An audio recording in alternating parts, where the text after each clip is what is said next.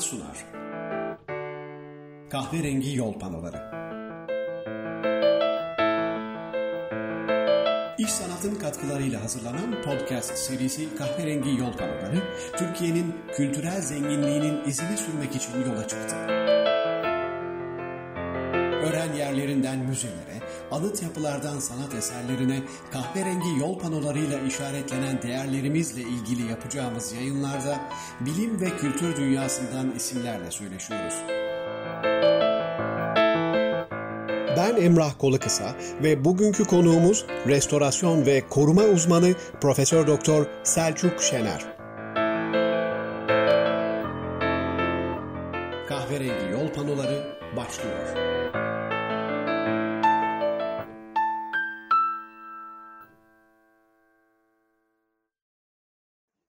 Kahverengi yol panolarında bugün konuğumuz koruma uzmanı, restorasyon uzmanı Profesör Doktor Yaşar Selçuk Şener.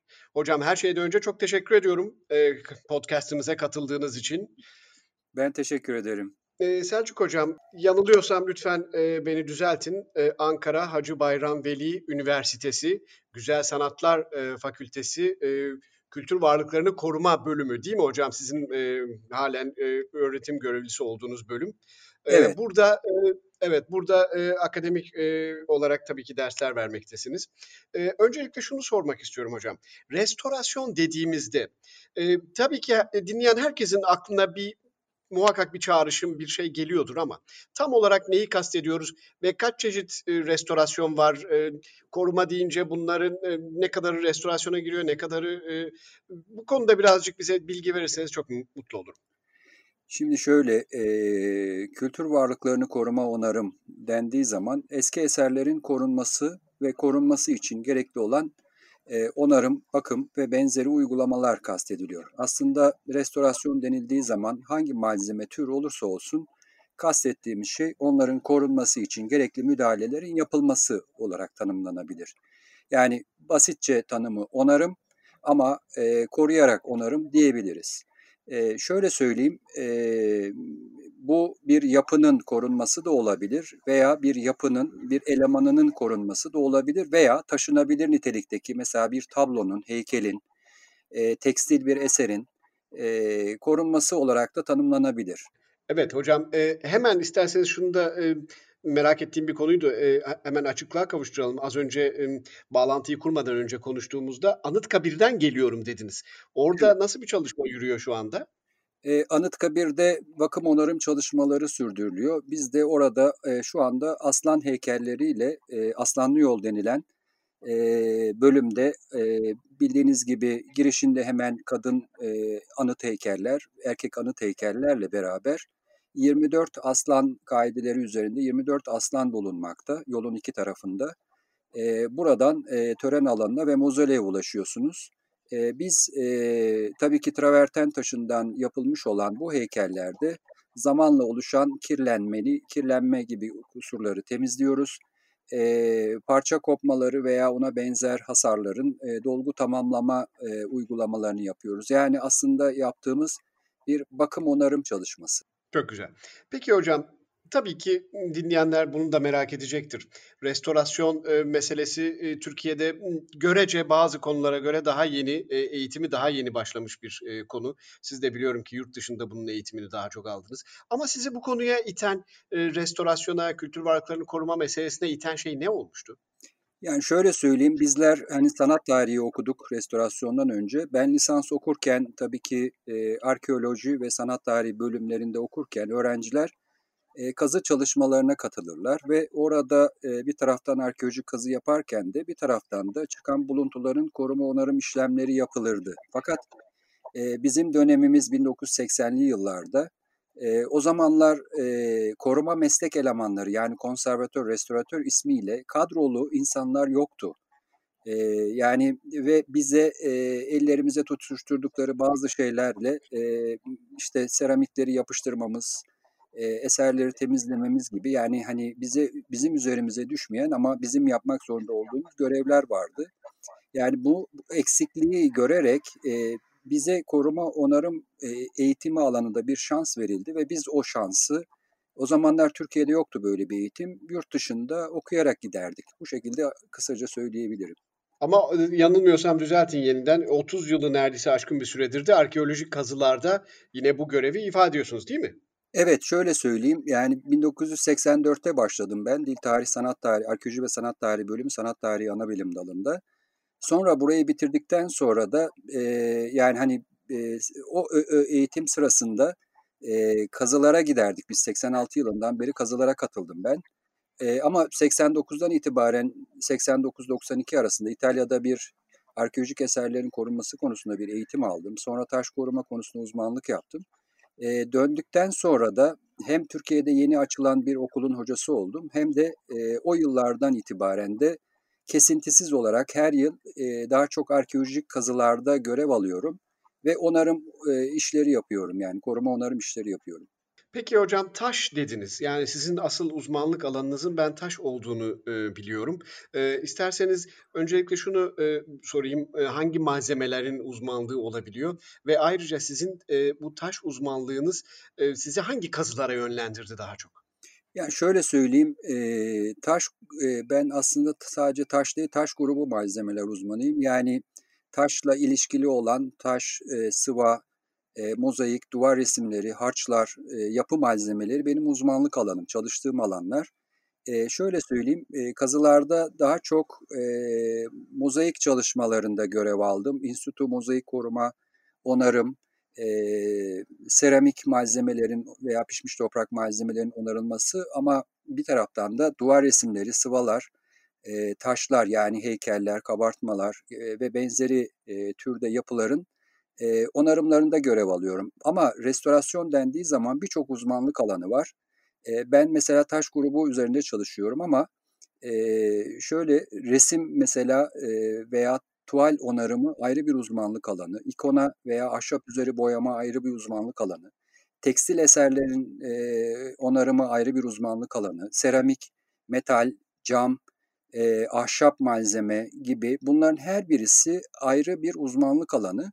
Bunun dışında da e, yapı malzemeleri ve bina onarımları da mimari e, mimarlık bölümlerinin devamında sürdürülen e, restorasyon yüksek lisans doktora programlarının uzmanlık alanıdır. Ama bizim çalıştığımız alan baktığınız zaman daha çok taşınabilir kültür varlıklarını koruma onarım diye tanımlanabilecek e, alan olarak sınıflandırabiliriz. Evet hocam e, fakat arkeolojiyle e, uğraşan e, bizzat kazılara e, katılan hocalarımızın birçoğu örneğin bir bölgeye gidiyorlar ve 20 sene 30 sene aynı bölgeyi kazıyorlar ama sizin durumunuz biraz daha farklı değil mi? Birçok bölgeye gidip e, restorasyon yaptığınızı biliyorum. Yani şöyle söyleyeyim onu da e, kazı ekipleri e, veya kazı başkanları bir kazıyı üstlenirler ve ekipleriyle beraber e, yani hayatları boyunca daha çok e, 30 yıl 40 yıl o kazılarda görev alırlar.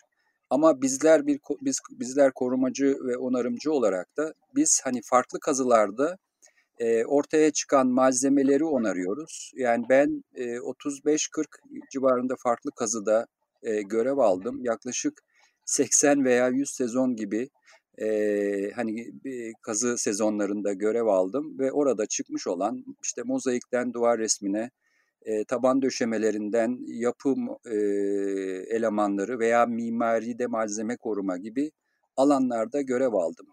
Bunları sıra, sıralayabilirim değişik kazılarda. Mesela Nemrut'ta sterlerin taşınması, Aspendos Tiyatrosu'nun onarımında koruma uzmanı olarak görev almak veya işte Bodrum Kalesi'nde bilim heyetinde görev almak, Hatay Müzesi mozaiklerinin onarımı veya magnezya kazıları, sagalosos kazıları, küme kazıları yani hani bunlar e, çalıştığımız bazı e, yapılara örnekler diye sıralayabilirim.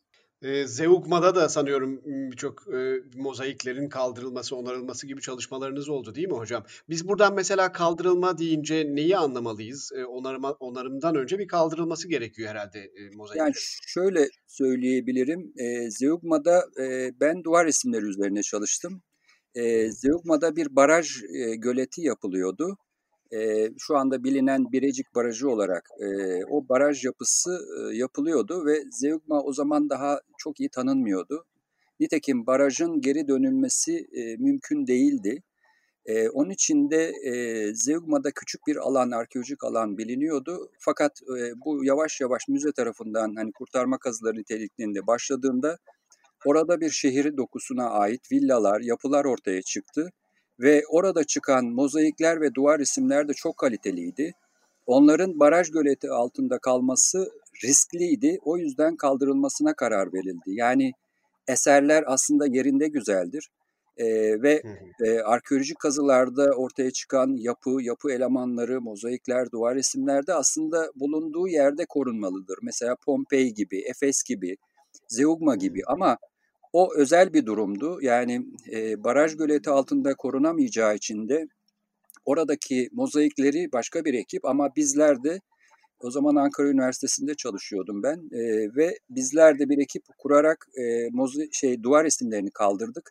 Sonra bir proje üreterek onların onarımlarını yaptık ve şu anda da müzede sergileniyor. Eğer Gaziantep e, Zeugma Mozaik Müzesi'ne gidilirse oradaki duvar resimleri bizim 2000-2001 yılları arasında yaptığımız projenin ürünü olarak sergileniyor. Keşke yerinde sergilenseydi ama bu tür zorlu durumlarda da eserleri bulunduğu yerden alıp müzeye veya sergi alanlarına taşımak zorunda kalıyoruz. Şüphesiz bir yandan da tabii bu kentteki tarihi doku meselesi de var. Yani sadece antik kentler değil belki ama yine içinde de yaşadığımız bizzat İstanbul gibi ya da Konya gibi değil mi? Konya'da da çok önemli evet. yine tarihi eserler var.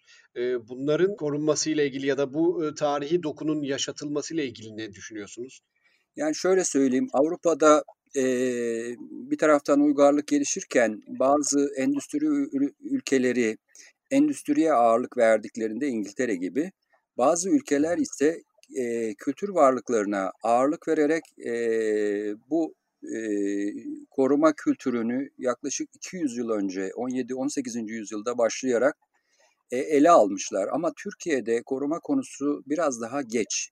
Yani aslında bizim vakıf kültürüyle Osmanlı eserlerin veya Selçuklu yadigarlarını veya bize ait eserlerin korunma kültürü var. Fakat e, yani bilimsel olarak e, var olan yapıların, dokunun, şehrin korunması kültürü ne yazık ki zamanla eksilmiş. E, yani şöyle söyleyeyim, e, bugün Roma'ya gittiğiniz zaman Roma'da e, Rönesans, Barok dönemi veya daha geç dönemleri dokusuyla olduğu gibi görebiliyorsunuz ve onların korunması esas.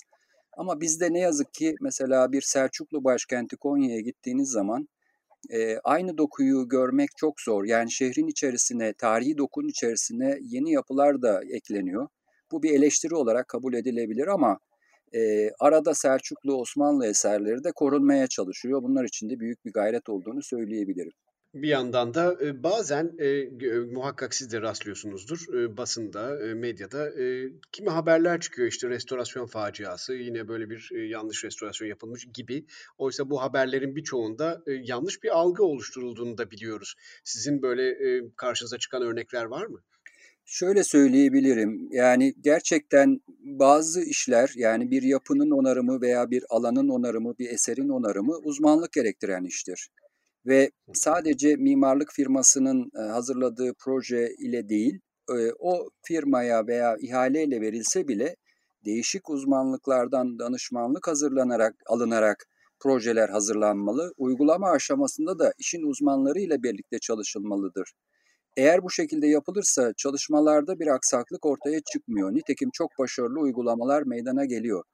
Ama yani eğer müteahhit alan, ihaleyi alan müteahhit yani bu tür danışmanlıklar işin uzmanı ile beraber çalışmazsa o zaman yapılarda büyük bir facia, büyük bir onarım sorunu olabiliyor. Bazen de e, mesela basında çıkan e, haberlerin de doğru olmadığını da görebiliyoruz. Bir örnek vereyim ben.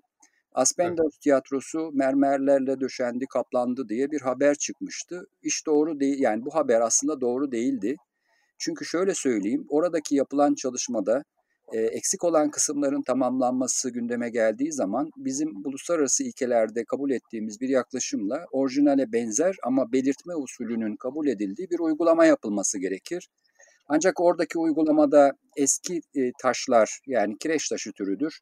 Yeni yapılan taşlar, tamamlanan taşlar da kireç taşıydı ama Eski taşlar yeterince temizlenmediği için veya temizlik uygulaması yapılmadığı için yeni taşlar çok belirgin olarak ortaya çıktı ve bir haber ile aslında mutfak mermeriyle döşendi diye bir haber yapıldı. Mesela bu doğru değildi. Nitekim bu konuda doğru olmadığına dair bilimsel yayınlar da üretildi.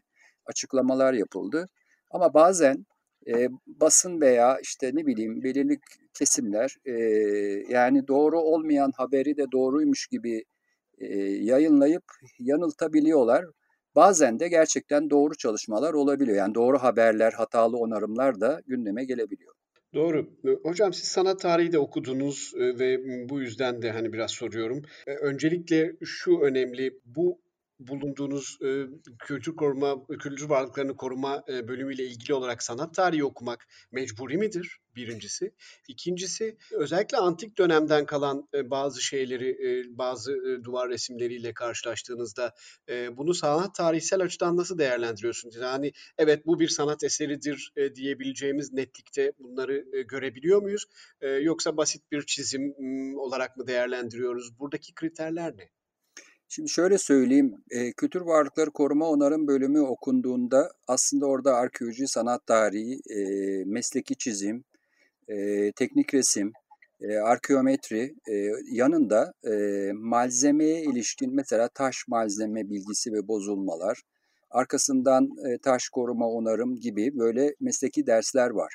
Sadece e, her ve her alanda yani lisans seviyesinde yani arkeoloji sanat tarihiyle beraber meslek dersleri öğretiliyor. Taş, mozaik, duvar resmi, işte metal, e, cam, e, tuval, ahşap vesaire, tekstil gibi değişik e, malzemelerin e, hem malzeme bilgisi hem de e, onun koruma onarım uygulamaları e, öğretiliyor. Tabii ki yani hani e, onun için de lise mezunu birisi koruma onarım bölümü yani bitirdiği zaman aslında bir tıp eğitimine benzetirsek eğer pratisyen hekim olarak yetişiyor. Ama yüksek lisansta e, devam ederse o zaman bir alana e, bir alanda ilerliyor ve mesela taş malzemeler e, üzerine master ve doktora yaparsa da doktorasını tamamladığı zaman da e, taş koruma uzmanı niteliğine ulaşıyor. E, sizin sorduğunuz soruda birinci kısmında sanat tarihçisi olmanın avantajı var tabii. Çünkü hem malzemeyi, eseri biliyorsunuz hem de onun koruma onarımını e, biliyorsunuz. İki, iki okul okuduğum için belki de avantajı bu. E, hem malzemeyi değerlendirme şansına sahibim hem de e, onun korunması için gerekli uygulamaları e, yani üye yöntemleri belirlemek gibi bir şansa sahibim. Ama dediğim gibi hani sanat tarihi veya arkeoloji okumak şart değil. Okursanız tabii ki iki alanda da onların birleşiminden de yararlanıyorsunuz. Hocam peki e, bu aslında daha önceki konuşmamızda da bahsetmiştik.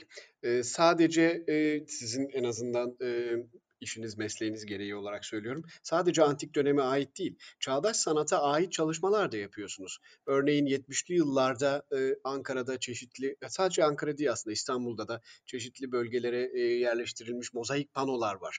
Bunların da e, dönem dönem kaldırılması gerekiyor ya da restore edilmesi gerekiyor. E, bu çağdaş sanatla ilgili e, çalışmalarınızla ilgili ne söyleyeceksiniz? Şimdi şöyle bir şey söyleyeyim. Korumacı kültürü veya korumacı veya restoratör dediğimiz kimlik aslında eserleri ayırt etmeden ve birbiriyle arasında önem bağı kurmadan her eseri ünik eser olarak kabul eder ve onun için onun korunması, onarımı için gerekli olan müdahaleleri uluslararası kabul edilen ilkeler doğrusunda gerçekleştirir. Birinci hedefimiz bizim korumaktır. Yani eserin korunmasıdır koruyarak ona gerekli onarım müdahalelerini yaparız biz. Onun için antik dönemden kalan arkeolojik bir mozaik ile bir çağdaş sanatçının yapmış olduğu bir mozaik arasında orada yapacağımız uygulamalar açısından bir fark bulunmaz. Ee, biz hani e, benim alanımda bu tür çalışmalar olduğu zaman bizler dışarıda da bu çalışmaları gerçekleştiriyoruz. Mesela ben Ankara'da e, Bedir Rahmi ve Eren Eyüboğlu'na ait 1950'li yıllara, 50'li 60'lı yıllara ait bir mozain. E, o da bina yıkıldığı için kaldırılmak zorunda oldu. Onları yerinden aldık. E, onların onarımlarını yaptık, taşınabilir hale getirdik ve yeni binada sergilenmesini sağladık. Benzer şekilde yine seramik panolar, 1970'li yıllarda İş Bankası'nın böyle bir çalışması olmuştu. Panoların başka bir binaya taşınması gündeme gelmişti. Biz panoları ki bir mesela bir e, seramik pano yaklaşık bin ayrı parçadan oluşuyordu. Zarar vermeden yerinden kaldırılması, bir atölye ortamında onarılması ve yeniden taşınabilir hale getirilip yeni binaya taşınması gibi işler yaptık. Nitekim Cumhuriyet döneminde birçok kamu binası bu tür çağdaş sanat eserleriyle kaplı.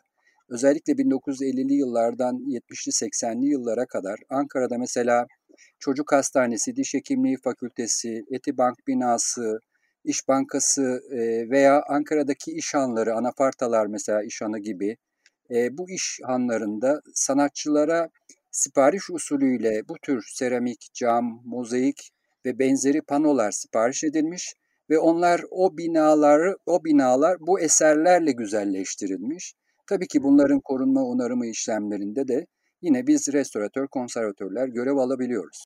Evet İstanbul'da da ben hatırlıyorum Füreyya'nın yine panoları, işte Tabii. Kuzgun Acar'ın e, Kuzgun Acar'ın eserleri birçok e, binada e, görülebiliyordu. Bunların kimilerini hala görüyoruz ama kimileri de dediğiniz gibi oradan kaldırılıp müzeye müzelere aktarıldı. Ama ne yazık ki kimileri de tamamen yok oldu. Ne yazık ki öyle. Yani hani şöyle söyleyebilirim. Ankara'da da e, Gama İş Merkezi'nin cephesinde yer alan bir bina, e, binada bir e, metal heykel e, yok bilinmiyor. Yani şöyle söyleyebilirim. Cumhuriyet döneminde benim bildiğim, yani hani bu konuda çalışan sanat tarihçiler var. E, ama e, benim bildiğim 70-80 bilinen eser var. Yani hani kamu binalarında, özel binalarda sergilenen heykeller, e, seramik, e, mozaik, e, cam, e, duvar panoları veya benzeri panolar 70-80 eser biliyorum. Bunun dışında e, mesela cepheyi süsleyen mozaik e, yapımlar var veya Atatürk kabartmaları var e, gibi. Yani hani bu tür e, sanatçılara ait e, bu tür eserler e, Ankara'da ve İstanbul'daki birçok yapıda var. Başka şehirlerde de var. Yani keşke onların hepsi e, özel bir gayretle, sponsorluk desteğiyle e, ele alınsa ve yine bulunduğu yerde olabildiğince korunmaya çalışılsa. Korunamayanlar da müze ortamı, çağdaş sanat müzelerinde e, eğer yerinde korunamıyorsa tabii en son şans olarak da korunsa. Keşke gönlümüzden geçen her zaman bu. Keşke, çok haklısınız. Hocam antik çağa dönecek olursak arkeolojik kazılarda çıkan e, kimi e, taş, tabii taş eserler öncelikle e, sizin e, uzmanlık alanınız olduğu için soruyorum. E, bunların restorasyonunda tabii hocalarla yani arkeolojik kazıların başkanlarıyla da işbirliği yaptığınızı tahmin ediyorum. Çünkü bazı yazıtlar elbette bir dil bilmeyi gerektirecektir ve o onun uzmanı bir başkasıdır. Nasıl işliyor bu tip durumlarda işbirliği? Onlar mı sizden bir talepte bulunuyor? E, ve e, nasıl e, bir iletişim kuruyorsunuz? Yani şöyle söyleyeyim, kazı başkanları genellikle kazı e, ekiplerinde birer konservatör çalıştırıyorlar. Yani 4 yıllık mezun, 2 yıllık mezun tekniker veya 4 yıllık mezun bir konservatör veya e, bir alanda uzmanlaşmış uzman konservatörleri olabildiğince ekiplerinde tutuyorlar. Son dönemlerde bildiğiniz gibi kazılar 12 aylık dönemlere yıl boyunca çıkartıldı ve her kazıya e, devlet imkanıyla bir konservatör ile 4-5 arkeolog sanat tarihçisi gibi kadrolar alınmaya başlandı. Ama e, bunlar genellikle kazıda sürekli olarak çalışan, daha çok kazı buluntuları e, malzemelerini çalışan ama bunun dışında da arazide ortaya çıkan mozaik, duvar resmi, binalar veya yapı elemanları, taş, kabartma gibi eserlere de müdahale ediyorlar. Fakat şöyle oluyor, eğer bir kazıda bir duvar resmi, bir mozaik veya taş eser, kabartma vesaire çıktığı zaman eğer kazı ekibinin devamlı bir üyesi yoksa o zaman en çok bildikleri tabii ki bizim bölümleri biliyorlar ki Türkiye'de sadece 5 bölüm olarak var bu 5 fakültede bölüm olarak var. Oradaki hocalar koruma uzmanlarına da başvuruyorlar ve onlardan yardım istiyorlar. Sonrasında şöyle oluyor. Eğer e, gidip yerinde inceleniyor, bir ön inceleme gerçekleştiriliyor. Sonrasında çalışma programı oluşturuluyor. Gerekirse bir ekip oluşturuluyor ve bu ekip doğru, doğrusunda da orada o belirlenen sürede o eserin, eserlerin e, koruma onarım uygulamaları yapılıyor ve e, iş, iş tamamlanıyor. Ben size şunu örnek vereyim. Mesela Zeugma kazılarında e, o duvar resimlerin kaldırılması yaklaşık 1-1,5 aylık bir çalışma olarak gerçekleştirildi. Yaklaşık 8 aylık bir süreçte de e, müzenin bahçesinde kurulan bir e, laboratuvarda, bir atölyede onların yaklaşık 10 kişilik bir ekiple de onarımı yapıldı. 8 ay bittikten sonra da artık sergiye hazır hale getirildi.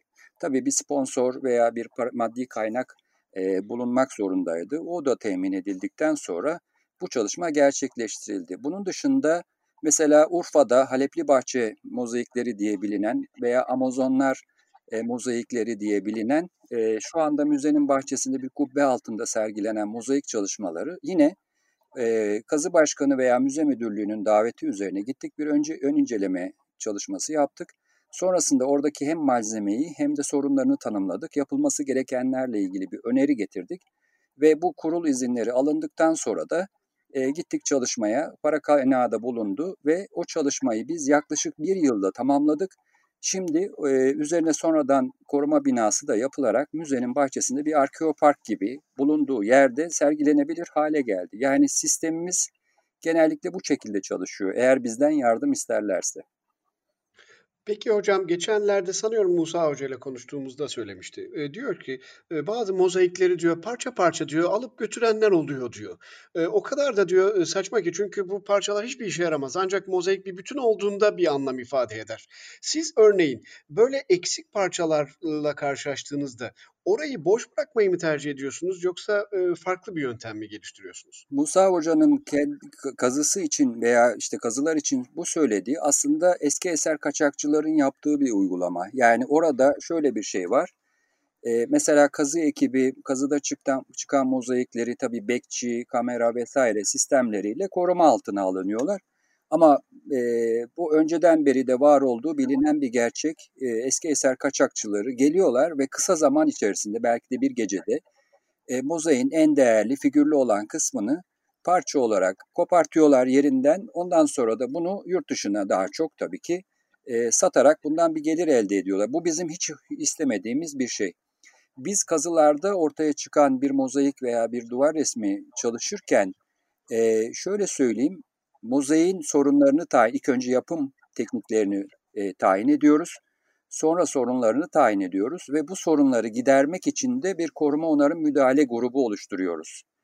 E, bu çalışmalar gerçekleştirilirken asıl amacımız en az müdahaleyle e, var olanın olduğu gibi korunmasını sağlamak ve bundan sonra da bozulmasını engelleyecek önleyici koruma dediğimiz tedbirleri almak. Yani e, üzerini örterek veya bir koruma binası içerisine alarak dış şartlardan, yağmurdan, güneşten veya hava değişimlerinden korumak veya bir koruma binasını oluşturduğumuz zaman hani güvenliği sağlamak gibi.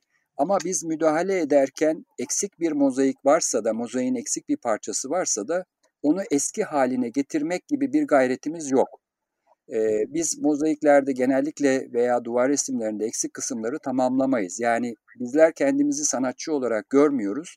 Eğer öyle bir şey yaparsak da sanatçıya muhalefet bir uygulama yapmış oluruz. Uluslararası kabul edilen ilkelerde de olduğu gibi eseri sorunlarını gidererek onun durumunu iyileştirmek olarak tanımlıyoruz biz restorasyonu. Onun için de yapabiliriz mozaiğin eksik kısmını aynı teknikle üretebiliriz. Bu yeteneğe de sahibiz ama bunu yaptığınız zaman e, 2000 yıllık bir mozaiği, mozaiğin sanatçısına saygıyı bir kenara bırakmış olacağız. E, zaten onu olduğu gibi korumak, o eksik parçasıyla korumak e, yeterli bir uygulama. Ne yapıyoruz peki? Estetik olarak mekanın e, veya tabanın, taban mozaiği ise eksik kısımlarında e, onu koruyabilecek mesela e, yine estetik harçlarla bir e, tamamlama yapıyoruz. Yani oranın mozaik büyüklüğünü, bütünlüğünü sağlayabilecek şekilde ama mozaik yani testere kullanarak, örerek sanatçı gibi tekrar tamamlamayı öngörmüyoruz. Doğru da değil zaten. Hocam mozaikten açılmışken e, artık biraz sonuna da geliyoruz e, yayınımızın ama şunu da sormak istiyorum. Sizin e, karşılaştığınız e, Zeugma olabilir, Kariye'de olabilir birçok yerde tabii mozaikler var bu panolardan mevcut. Bunların arasında sizi en çok etkileyen, en çok sizi başka alemlere sürükleyen diyeyim mozaikler hangileri olmuştu? Şöyle söyleyeyim, beni hepsi çok etkiliyor. Yani bütün eserler çok etkiliyor. Yani bütün hepsine hayran kalıyorum ama e, mesela içlerinden söyleyebileceğim bir tanesi Urfa'daki Halepli Bahçe mozaikleri. E, 4, 5. yüzyılın son çeyreği, 6. yüzyılın ilk çeyreğine tarihlenen bu mozaiklerde e, mozaikler Amazonlar Villası adı verilen bir villanın taban mozaiklerini oluşturuyor. Onun baş oda olarak tanımlanan e, Amazonlar sahnesi e, bölümü var. E, orada Amazon tasvirlerinin bilmiş olduğu atların yeleleri beni çok etkiliyordu. E, neden? Çünkü şöyle söyleyeyim, e, kırmızının en az 4-5 tonu, e, diğer renklerin sarının, mavinin, e, siyahın, beyazın e, tonlarıyla bir resim gibi yapılmış onlar ve e, büyüklükleri 3-4 milimetreyi geçmeyen bazen 1-2 milimetreye kadar inen detaylarla küçük taşların yan yana örülmesiyle e, inanılmaz bir tasvir, bir resim gibi işlenmiş. E, bunlardan mesela hani bundan çok etkilendiğimi söyleyebilirim. Eğer bir gün yolunuz düşerse Urfa'ya, Halepli Bahçe mozaiklerine Amazonlar Villası, Villası şey, şu andaki müzenin bahçesinde kubbe altında sergilenen Oradaki Amazon tasvirlerinin atların yelelerine bakmalarını, figürlere bakmalarını tavsiye ederim insanları. Çok teşekkürler. Kesinlikle gerçekten yolum düştüğü anda gidip bu dediğiniz yere bakacağım. Hocam çok teşekkür ediyorum. Yayınımıza katıldınız. Çok keyifli, hoş bir sohbet oldu. Umarım e, yüz yüze de gelir bir gün uzun uzun sohbet ederiz. Sağ olun, var olun. Siz de sağ olun. Çok teşekkür ederim. İyi günler diliyorum. Kahverengi yol panolarında bugün restorasyon ve koruma uzmanı Profesör Doktor Selçuk Şener'le söyleştik. Vakit ayırıp dinlediğiniz için teşekkür ederiz. İş Sanat'ın katkılarıyla yayımlanan kahverengi yol panolarının bir sonraki durağında buluşuncaya dek hoşça kalın. İş Sanat sundu. Kahverengi yol panoları